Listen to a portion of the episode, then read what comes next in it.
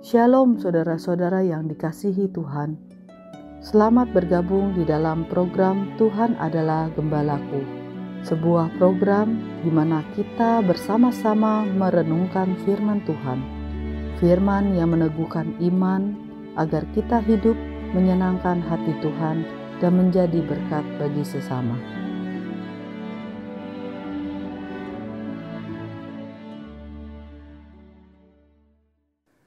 Shalom saudara-saudara yang dikasih oleh Tuhan. Hidup kita adalah hidup yang sangat berharga. Oleh karena itu sayang sekali jikalau kita melaluinya tanpa mengisinya dengan baik. Oleh karena itu saudara-saudara, mulai hari ini pikirkanlah apa yang penting yang perlu kita lakukan dan yang menyenangkan Tuhan. Salam jumpa dalam program Tuhan adalah gembalaku. Ketika orang lain bertanya kepada saudara, apa prioritas hidup saudara? Kira-kira bagaimana jawaban saudara? Ada banyak orang tidak pernah memikirkan apa yang diprioritaskan dalam hidup ini. Seberapa pentingkah prioritas yang perlu kita tetapkan dalam hidup kita? Prioritas itu menolong kita untuk mengambil keputusan dalam situasi sulit. Prioritas itu membuat kita melakukan hal-hal yang utama dalam hidup kita dan menyingkirkan hal-hal yang tidak perlu kita lakukan. Prioritas itu membuat kita hidup di dalam keteraturan, sehingga dengan demikian kita tidak melupakan apa yang perlu kita lakukan. Orang-orang yang hidup tanpa prioritas, hidupnya akan chaos. Karena terlalu banyak yang perlu dikerjakan, namun sebenarnya tidak perlu semuanya dikerjakan. Saudara inilah yang akan kita renungkan apa yang menjadi prioritas daripada Tuhan Yesus. Kita baca firman Tuhan dari Matius pasal 14 ayat 22 sampai dengan 36. Sesudah itu, Yesus segera memerintahkan murid-muridnya naik ke perahu dan mendahulunya ke seberang. Sementara itu, ia menyuruh orang banyak pulang. Dan setelah orang banyak itu disuruhnya pulang, Yesus naik ke atas bukit untuk berdoa seorang diri. Ketika hari sudah malam, ia sendirian di situ. Perahu murid-muridnya sudah beberapa mil jauhnya dari pantai dan diombang-ambingkan gelombang karena angin sakal. Kira-kira jam tiga malam datanglah Yesus kepada mereka berjalan di atas air. Ketika murid-muridnya melihat dia berjalan di atas air, mereka terkejut dan berseru, "Itu hantu!" Lalu berteriak-teriak karena takut. Tetapi segera Yesus berkata kepada mereka, "Tenanglah, aku ini, jangan takut." Lalu Petrus berseru dan menjawab dia, "Tuhan, apabila engkau itu suruhlah aku datang kepadamu berjalan di atas air." Kata Yesus, "Datanglah." Maka Petrus turun dari perahu dan berjalan di atas air mendapatkan Yesus. Tetapi ketika dirasanya tiupan angin, Takutlah ia dan mulai tenggelam, lalu berteriak, Tuhan, tolonglah aku. Segera Yesus mengulurkan tangannya, memegang dia dan berkata, Hai orang yang kurang percaya, mengapa engkau bimbang? Lalu mereka naik ke perahu dan angin pun redalah. Dan orang-orang yang ada di perahu menyembah dia katanya, sesungguhnya engkau anak Allah. Setibanya di seberang, mereka mendarat di Genesaret. Ketika Yesus dikenal oleh orang-orang di tempat itu, mereka memberitahukannya ke seluruh daerah itu. Maka semua orang yang sakit dibawa kepadanya.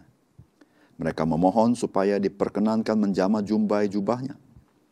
Dan semua orang yang menjamahnya menjadi sembuh.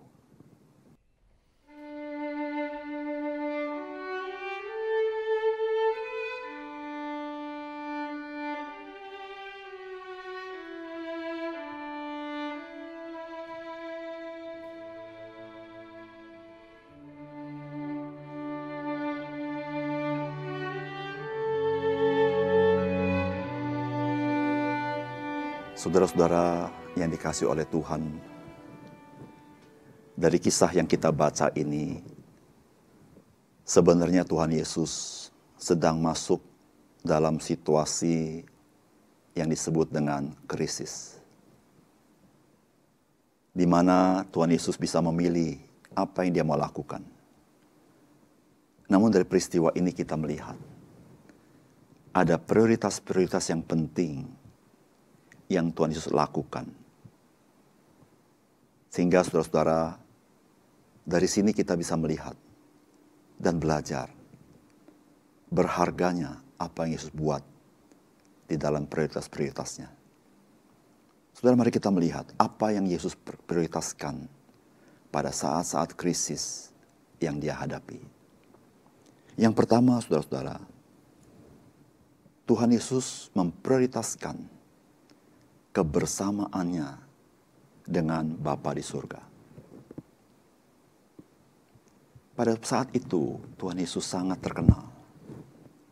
Orang banyak sangat mengagung-agungkan dia. Orang banyak bahkan ingin menjadikan dia seorang raja sebagaimana tercatat di dalam Injil Yohanes. Ketika orang banyak itu mereka bisa mendapat makan dan kenyang.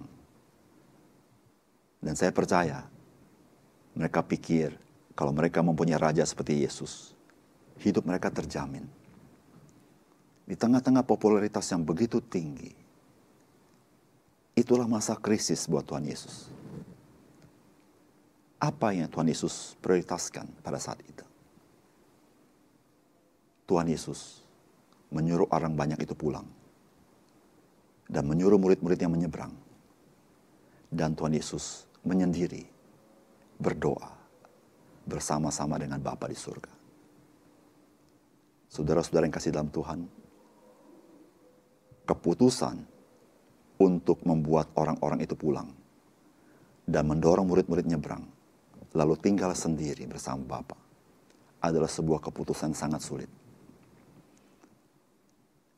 Hal itu perlu ada prioritas, ada komitmen, ada kesadaran bahwa bersekutu dengan Bapa begitu penting di masa-masa krisis. Saudara-saudara, saat hidup kita begitu senang, saat hidup kita begitu sukses, saat semua hidup berjalan lancar sesuai rencana yang kita telah bangun, apakah kita memiliki kesadaran? Kita tidak boleh tenggelam dalam kesibukan kita. Kita tidak boleh tenggelam dalam kesenangan kita dan kesuksesan kita.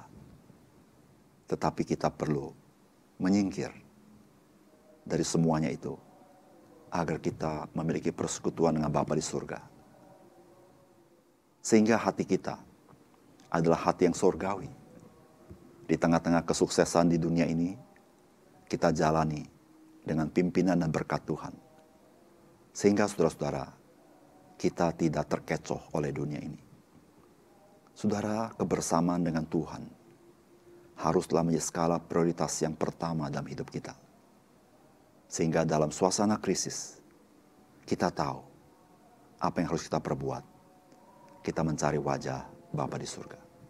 Yang kedua, saudara-saudara, Saudara-saudara di tengah krisis itu, maka Tuhan Yesus juga memiliki prioritas, yaitu kebersamaan dengan murid-muridnya. Setelah Tuhan Yesus berdoa, maka murid-muridnya di tengah danau, mereka diombang-ambingkan karena angin sakal. Pada jam 3, Tuhan Yesus menghampiri mereka dengan berjalan di atas air. Saudara, mengapa Tuhan Yesus berjalan di atas air? Kemungkinan sudah tidak ada perahu yang bersandar di pantai. Mengapa Tuhan Yesus berjalan di atas air? Tuhan Yesus bukan sedang ingin melakukan pertunjukan supaya murid-murid itu senang, dihibur di saat-saat angin sakal. Namun saudara-saudara, Tuhan Yesus berjalan di atas air Karena Tuhan Yesus mementingkan supaya dia bisa bersama-sama dengan murid-muridnya di dalam perahu yang sedang terombang-ambing oleh angin sakal. Saudara-saudara perhatikan bagaimana usaha Tuhan Yesus supaya dia bisa bersama-sama dengan murid-muridnya. Ketiadaan perahu, adanya angin sakal, gelombang begitu besar. Dan Tuhan, dia adalah Allah itu sendiri. Dia berjalan di atas air, menghampiri murid-muridnya. Hidup kita sering kali ada banyak peristiwa yang kita tidak duga. Sebagaimana danau di Galilea yang tidak terduga kadangkala tenang, tapi ada kalanya angin badai bisa timbul. Saudara dari peristiwa ini, ketika kita menghadapi itu, Tuhan Yesus, Dia mau bersama-sama kita. Dia memprioritaskan kita. Dia mau berjalan bersama kita. Saudara, bukankah ini menjadi sesuatu penghiburan bagi kita? Tuhan Yesus memprioritaskan saudara dan saya di dalam setiap situasi, bahkan dalam situasi yang mustahil sekalipun. Dia selalu ada bersama-sama dengan kita. Yang ketiga, saudara, saudara apa yang menjadi prioritas Tuhan Yesus ketika bersama-sama dengan murid-muridnya? Saudara-saudara Tuhan Yesus mau melatih iman daripada murid-muridnya. Saudara dengan Yesus berjalan di atas air. Murid-muridnya salah tafsir. Murid-murid ketika melihat Yesus, mereka berpikir mereka melihat hantu. Padahal mereka sudah sekian lama bersama-sama Tuhan Yesus. Sekian lama melihat mujizat Tuhan Yesus. Namun memang berjalan di atas air ini pertama kali yang Yesus lakukan. Oleh karena ketakutan mereka, maka Petrus menanyakan kepada Tuhan Yesus, kalau memang itu Tuhan Yesus, supaya Tuhan Yesus mengajak dia berjalan di atas air. Saudara perhatikan, terhadap tantangan yang seperti itu, Tuhan Yesus berkata, mari, datanglah kepadaku. Saudara-saudara, Petrus satu-satunya murid yang berjalan di atas air, sama seperti gurunya, Tuhan Yesus di tengah-tengah angin sakal dan ombak bergelombang. Saudara melatih iman murid-muridnya untuk percaya kepada Tuhan Yesus.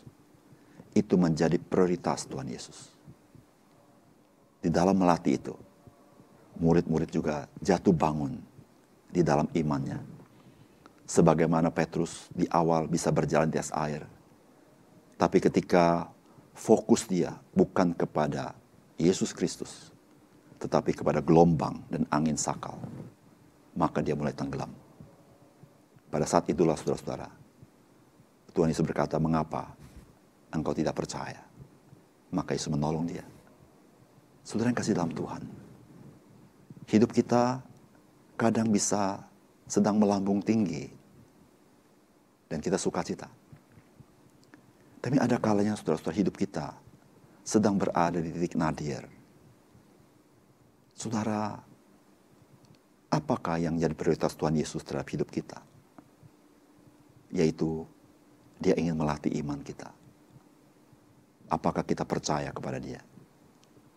Ketika kita percaya kepada dia, kita mengalami kuasa Tuhan. Namun, ketika kita goyah, kita tidak akan jatuh sampai tergeletak. Karena tangan Tuhan yang menopang kita. Saudara dan saya adalah orang-orang yang diprioritaskan oleh Tuhan Yesus untuk dilatih imannya. Supaya kita hidup sebagai orang yang berkemenangan di dalam Tuhan. Mari kita berdoa. Bapak kami surga terima kasih untuk firman Tuhan yang indah yang hari ini kami renungkan. Dari bagian firman-Mu kami tahu apa yang menjadi prioritas yang Tuhan Yesus pentingkan, supaya kami pun pentingkan dalam hidup kami. Kebersamaan dengan Bapa dalam doa, kebersamaan dengan murid-muridnya, melatih iman daripada kami, itu menjadi hal yang penting yang Tuhan Yesus engkau lakukan. Tuhan biarlah setelah kami memahami ini, kami boleh mendapat kekuatan daripada Tuhan. Kami tahu apa yang penting dalam hidup kami, kebersamaan dengan Tuhan, bersekutu dalam doa. Bagaimana kami tahu ya Tuhan, kami perlu memprioritaskan berjalan bersama Tuhan. Karena Tuhan pentingkan berjalan bersama kami. Di dalam seluk-beluk hidup kami, Tuhan selalu ada bersama kami. Dan kami berterima kasih di dalam setiap perkara, Tuhan ingin melatih iman kami. Supaya kami tidak goyah. Kami menjadi cakap menanggung segala perkara dan berkemenangan dalam hidup ini. Bapak surga terima kasih untuk firman Kami mohon berkat Tuhan hari ini supaya kami boleh hidup menyenangkan hati Tuhan. Di dalam nama Tuhan Yesus kami berdoa. Amin.